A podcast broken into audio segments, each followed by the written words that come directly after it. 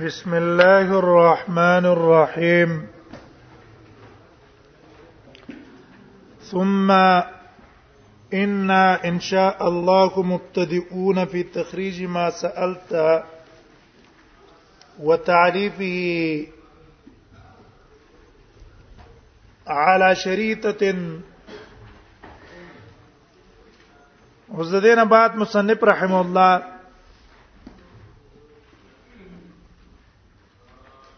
حاصل ذکر کوي چې ټیک ته کتاب ذکر کومه ځکه په هر مقدمه کې مصنفین په ابتدا د کتاب کې خطبه ذکر کوي به مقدمه به دیباجه ذکر کوي دیباجه کې باعث په طالب او بیا د دی باجی نرستو څه ذکر کوي مقدمه چې پای کې هغه مقدمه الکتابی د خپل کتاب کې د طریقه ذکر کړي چې ما دا کتاب کومه طریقه باندې وضع کړه نو دی باجه مخکې ذکر کړ باعث ته طالب شاګرد راته ویلی نو وس ذکر کوي د خپل طریقې نو حاصل ادا ده چې ګوره زو په دې کتاب کې تکرار د حدیث باندې کوم سبا کوم تکرار د حدیث باندې کوم مگر عند الضروره ضرورت تکرار د پاره د دی یو دا یو حدیث به ما راوړی هغه حدیث به مطلقي بل حدیث به مقیدی پکې به یو زیادت دی یو قید چې دا غ زیادت د قید د وجنه به دغه مطلقه مقید کیږي نه د دې ضرورت په بنا باندې با دا موږ ذکر کوو یا تکرار به د څه د وجه نه کوو د دې د وجه نه الته یو حدیث ده هغه حدیث کې سند یو علت وي یو راوی به مدلس مثلا عن عنا به کړی او عن عنا د مدلس مقبوله نه ده بل روایت کې به تصریح کړي اوس که زه دغه بل روایت بل سند چې تصریح بس الته تصریح بالتحديث یا تصریح بالاخباري که دا سند رانه وړم نو په دې سند کې څه پاتې شو علت او ذوب پاتې شو که پاتې نه شو د ذوب او د علت د ختمېدو د وجنه زبڅ کومه بل حدیث براوړو او بل سند براوړو د پاره د دې تسریب استماع د وجنه چې دا علت ختم شي د انانه نه د دې په بنا باندې تکرار کو او کدا اسباب نه د دې اسباب نه په غیر ز تکرار څنګه کومه حدیث نه کوم بیا وی زه تقسیم کوم په درې طبقو اول هغه راویان چې هغه اعلی درجه دي په اتقان کې او په ضبط کې نو دا غي روایتونه نقل کوم او بیا دویم قسم هغه راویان دي چې هغه ته په ضبط او په اتقان کې هغه سینې شي رسیدلای دا دویمه درجه والا روات دي نو د دین هم زبه احادیث نقل کوم علی سبیل استشهاد په سبیلې د استشهاد باندې او په سبیلې د متابعت باندې او دریم قسم هغه روات دي چې هغه مجروحین متروکین او زعبتی نو هغه طرف ته سره دا غي روایتونه سره نقل کوم نه هغه قسمه تپې شو نو ثم ان ان شاء الله عبارت وګورئ وی بیا ان ان شاء الله منګه کلا تعالی غواړي مبتدئون فی تخریج ما سالتا شروع کون کی فی تخریج ما سالتا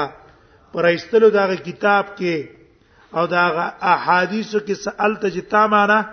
سوال کړه موږ به شروع کوو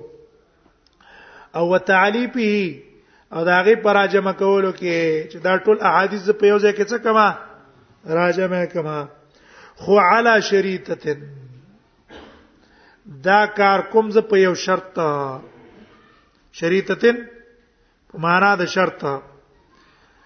علا شریطه تم په یو شرط باندې شریطه لغت ویل کی لغت علاوه الشرط والشریطه لغتان بمعنى بمعنى د دوه یو معنا ده یو معنا دوه راځي او جمع د شرط او شروط ته او د شریطي جمع شرایط ته د شریطي جمع شرایط راځي او د شرط جمع شروط راځي فرق پای کې دی شرط معنا څه ده یو شی په یو تن باندې مقررول دا معنا ده معنا علا شریطتن په یو شرط سوف اذكرها لك زبته دا شرط ذکر کما و هو و یغه شرط دا ده مالک سو په سره استعماله خو د متقدمین عبارتونه چې کوم دي اکثر د متقدمین عبارتونه په ابو داود کې هم تاسو ته پته ولګي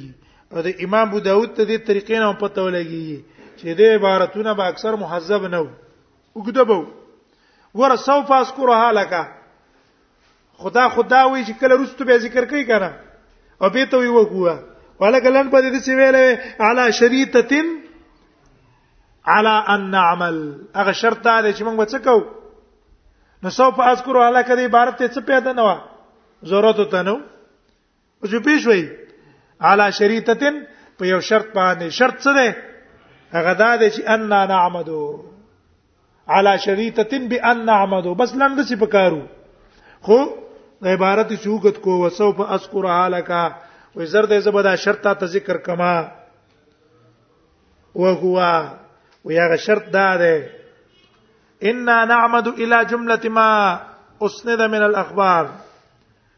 یقینا من قص کو الى جمله مجموعه ما اسند من الاخبار هغه ته چې سند څه ذکر کړی شوی د احادیثونه عن رسول الله صلی الله علیه وسلم د نبی صلی الله علیه وسلم نه اے د نبی صلی الله علیه وسلم نه کوم احادیث نقل لي په سند سره نو اق احادیث ته من قص کو نو فنقسمها على ثلاثه اقسام منګه دا احادیث تقسیمو په درې قسمونو او ثلاثه طبقات من الناس او په درې طبقو د خلکو طبقات جمع د طبقه ده طبقه په اصطلاح د محدثینو کې چاته وي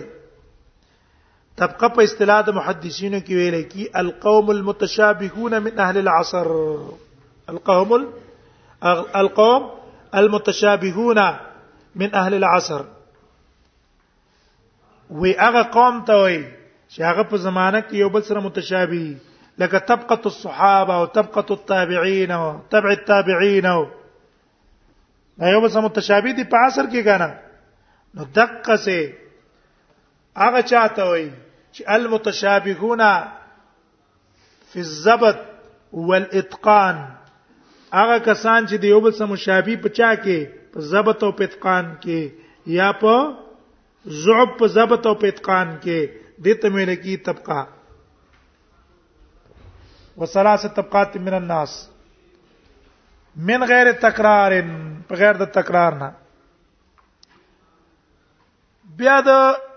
شارحین اختلاف ده چې آیا مصنف چې دا ثلاثه اقسام او ثلاثه طبقات من الناس ویله نو آیا دا درې قسمه او درې طبقه په دې مسلم کې یادای او کنا مسلم کې اوله طبقه ده او د دویمه طبقه جدا کتاب ده او د درېمه طبقه جدا کتاب ده وې شي خبره کنه آیا دا درې واړه قسمونه په مسلم کې یاد ای او کنه دا درې طبقه ټول احادیث یاد ای ټول احادیث چې دته یادو چې زبا اوله طبقه په دې مسلم کې ذکر کوم او دویمه طبقه والا باندې به جدا کتاب ذکر کم او درېمه طبقه والا بچو کما جدا به ذکر کم نو یو رائے د امام حاکم نه او د امام حاکم پسې امام بهقي داغه شاګرد دی هغه د امام حاکم رائے له ترجیح ور کړي هغه وای چې غرض د امام مسلم په دې قول باندې دا دی چې څونه احادیث ما ته یاد دي څونه احادیث ما ته یاد دي نو دا ټول احادیث به څه کومه دا ټول احادیث به زرا لګیږم په درې طبقو به تقسیموم یو به هغه احادیثي هغه طبقه والای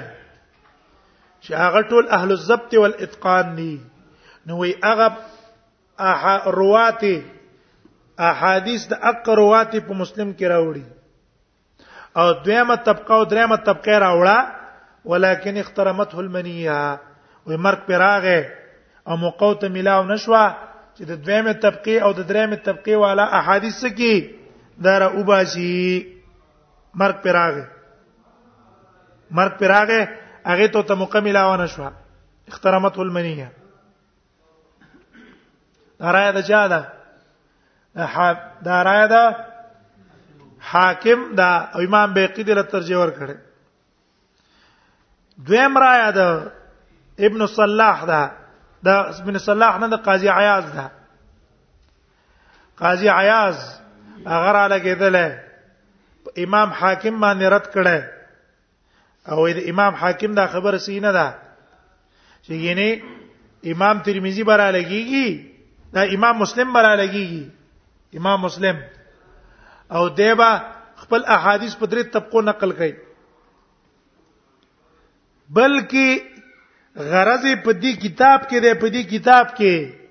چې په دې کتاب کې زب کم احادیث راوړم اول به هغه طبقه والا احادیث راوړم اعلى في درجه الاتقان چې اوچت درجه د اتقان او د ضبط والا دي دویم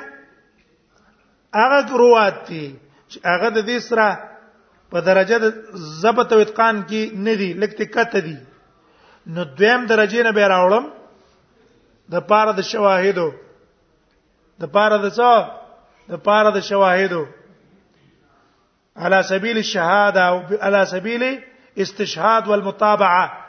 دا براوړم او دریم قسم خو سره منګه ذکر کوو نه دلیل په وېدا ده وې دلیل د خبره ده چې کله موږ د په کتاب کې وګورو په ابوابو کې د په کتاب کې اول درجه والا حدیث راوړي او دویم د شاهد ته پار راوړي او دریم کې سره راوړی نه ده دیو جن ته مصنف خپل وای چې و اما تبقى الثالثه فإنا لا نتشاغل بأحاديثه و دریم قسم باندې څنګه نه کو فلا نتشاغل فلسنا و موږ دا غینه څنګه کو ځان په مشغولونه دا غي په احادیثو وې دا درې طبقه د په کوم ځای کې مراد دي په دې مسلم کې مراد دي دیوژن امام نووي را لګیدل قول د قاضي عیاض له ترجیح ور کړی ابن الصلاح قول د قاضي عیاض له ترجیح ور کړی او د امام حاکم قول صحیح نه ده او صحیح خبر هم دقه ده چې دا کم د قاضي عیاض ده چې په مسلم کې تاسو ګورئ کنه غرض د امام مسلم په چا کې ده په دې خبره په دې مسلم کې ده چې صحیح مسلم کې به زدا کارونه کومه دې وجنه قول د چا راجح شو قول د قاضي عیاض چې دا درې طبقه کوم روایتونه دي ټول روایتونه نه چې د امام مسلم سره دي بلکې هغه روایتونه دي چې په دې صحیح مسلم کې ذکر کړي نو په صحیح مسلم کې به د اولی طبقه او دویمه طبقه روایتونه راوړي او دریم چې ضعیف دي او ساقطین دي هغه ته سره امام مسلم تعارض ته سره کوي نه دا د شرط ته دا شرط شو د د څه شرط شو د تعریف د دا چې زبا احادیث په دې مسلم کې راوړم خو په کم شرط چې صحیح روات او دویم چې د هغه په نسبت باندې لګا درجه د حسن کی درجه د حسن کی هغه په شواهد او په متابعاتو کې راوړم نو علا فنقسم علا سلا علا ثلاثه اقسام و ثلاثه طبقات من الناس وی شوی په من غیر تکرار خو بل شرط پکې دا ده علا غیر تکرار زبڅنه کومه دا احادیث به مکرر نه راوړم دا عام محدثین طریقه د تکرار ده زبې نه راوړم ها الا استثناء کوي ګورا په احادیث په باب کې با خامخا تکرار ته ستاسو ضرورت راځي ولی ځکه محدث استنباط ته حکم کوي او په یو حدیث کې رسول الله صلی الله علیه وسلم ډیر احکام بیان کړي محدث په دل تراوی د پاره دی یو حکم په بل ځای کې براوړي د پاره د بل حکم نو ځکه تکرار نه خلاصې نشته الا ان یاتی موضعن ها مگر کراشی د سیوزه لا یستغنا فيه چې پای کې خلاصې نشتا ان ترداد حدیث د دوباره راوړلو دغه حدیث نه ته بخامه خاطه د حدیث کې دوباره به راوړې ولی ان ترداد حدیث فيه زیاده د دې د وجنه چې په دې دویم حدیث راوړو کې بچوي زیادت په دې یو لفظ یا به زیادتی دی او معنا ټیک شو کنه شو څنګه دغه مثال د څه ده یو حدیث به یو راوی به مطلق ذکر کړای او دا حدیث په بل راوی مقید ذکر کړای نو اوس کته دا روایت د مطلق ذکر کو دا مقید والا روایت څه دوباره رانه وړي نو بیا به حدیث په عموم پاتې شي نو دا بل حدیث براوړي دا بل مخصص وګرځي دا بل څه شي هغه به عامي دا بل خاص وګرځي هغه به مطلق دا بل څه وګرځي دا بل مقید وګرځي نو دا مقید راوړو په څه د وجه نه صورت په بنا باندې به کته رانه وړي نو هغه عموم په خپل عموم پاتې کیږي څه کیږي خپل عموم پاتې کیږي دا به خامخا راوړي داګه د پاره مس لکه مثلا وکان رسول الله صلی الله علیه وسلم یذكر الله دبر کل صلوات نبی صلی الله علیه وسلم به د هر مانځه نرسته به ذکر کاو درې د شکرته نو دا عموم دلالت کوي نوافل تم شامل دي سنن تم شامل دي او چې بل حدیث سراغه دوباره صلوات مکتوبه نو دا مکتوبه ول مقید شو چې دا صلات په خپل عموم نه ده کوم منځونه دي فرضي سپې شوي د معنا شو فی زیادت معنا او اسناد یقعو یا به پاکي او سنا سندي یقع الى جنب اسناد چې واقعي بچا سره الى جنب اسناد خواد سند سره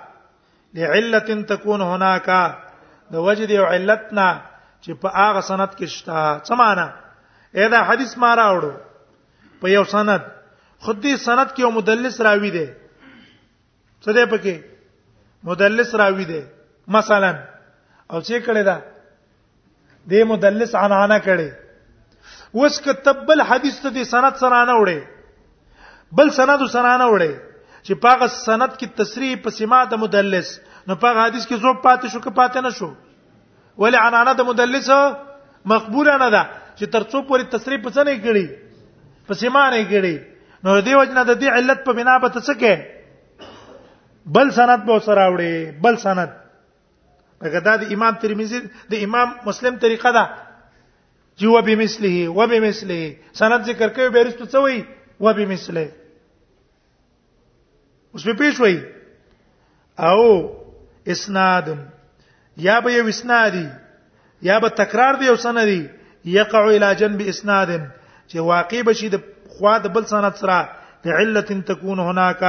د وجد او علت نه چې التي ولل ان المعنى الزائد في الحديث زکا دا وجه ذکر کوي دا اول خبره ده پاره چې یو حدیث کې به یو زیادت د لفظي نو د حق زیادت ته لفظ د وجه موږ دوباره حدیث راوړو ولی به راوړو د دې د وجه نه لئن المعنى الزائد فی الحديث ځکه هغه معنا چې زائد ته په حدیث کې المحتاج الیه چې هغه ته احتیاج ده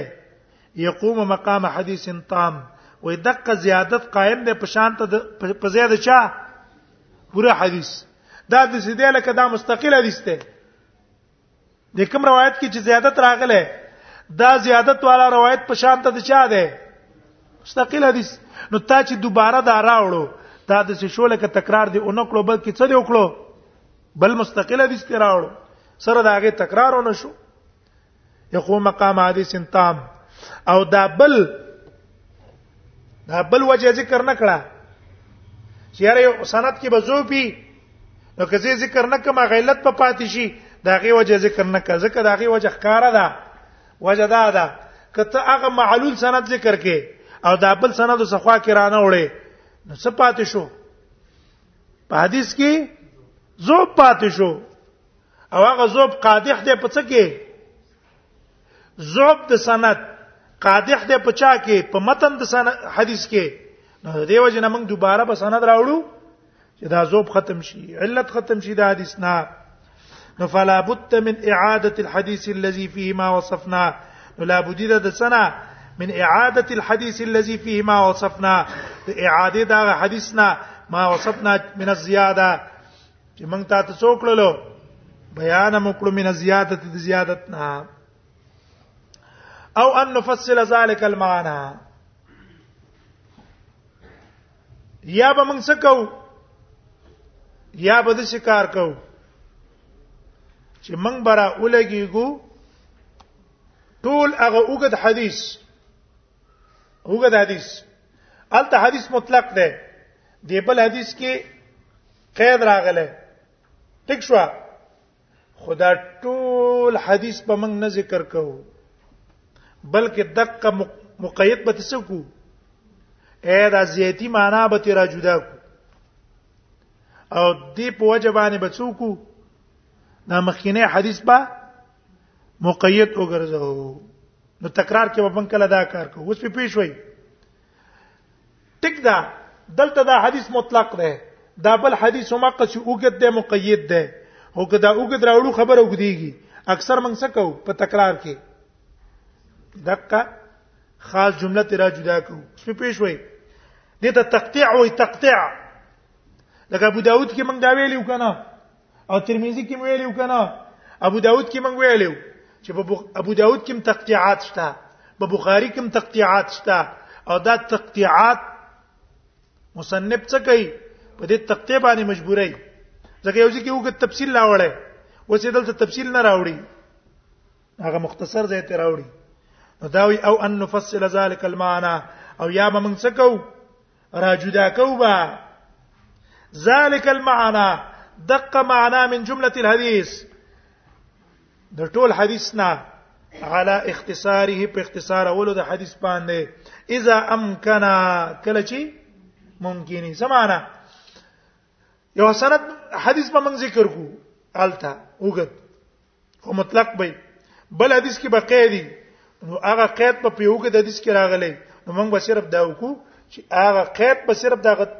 دوباره تکرار کې به څه راوخلو صرف هغه قید به تر راوخلو او هغه د حدیث په نه ذکر کوه به پریلو خو دلته وی صرف دونه ده ولكن تفصيله لیکن داغه جدا ذکر کول ربما عصر من جملته کله ګرانی من جملتی دوګه د حدیث نه اے کله کله یو حدیث ګرانی داغه فهم ګرانی چې ته دا ټوټه راواخلې کنه اوګه د دې څه ذکر نه کې نو پاګه ټوټه باندې پوره پويږي نه ترڅو پر چې تفصیل دی وسنی ذکر کړه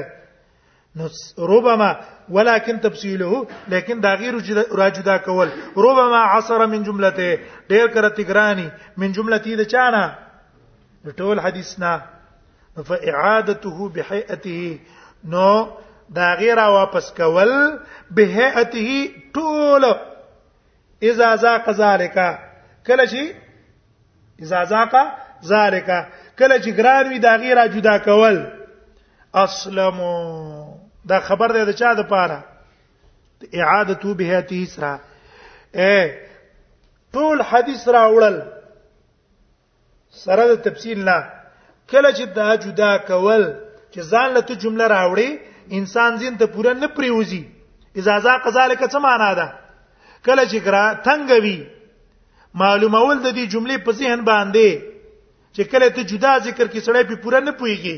نو په دې صورت کې ټول حدیث ذکر کول دا څه دی اصلم دا ډیر پیداناک دی او ډیر سالم دی د شانه د جدا کولو نه فاما ما وجدنا بد من ذا اعادته او هغه حدیث چې موږ مند کو خلاصې داغه درا واپس کولو نه بجملته پس سره من عادتي بجملته در واپس کول د ټول حدیث نه من غیر حاجت منا بغیر د حاجت نظمن الیه هغه ته فلا نتولى فعله من داغي نه برداشت کو او تکلف نه کو داغي په پیل په دې جمله پیښ وای حاصل ادا شو یو حدیثي که اختصار دا غیر اغستلو کې د طالب په ځین کې پریوتو نو موږ څه کوو مختصره جمله ته راغلو او چې مختصر ذهن باندې خلل لا واستو سړی په نه پیدو نو د مجبوریا په بنا باندې څه کوو تفسیری راوړو فلا نتولى فعله ان شاء الله تعالی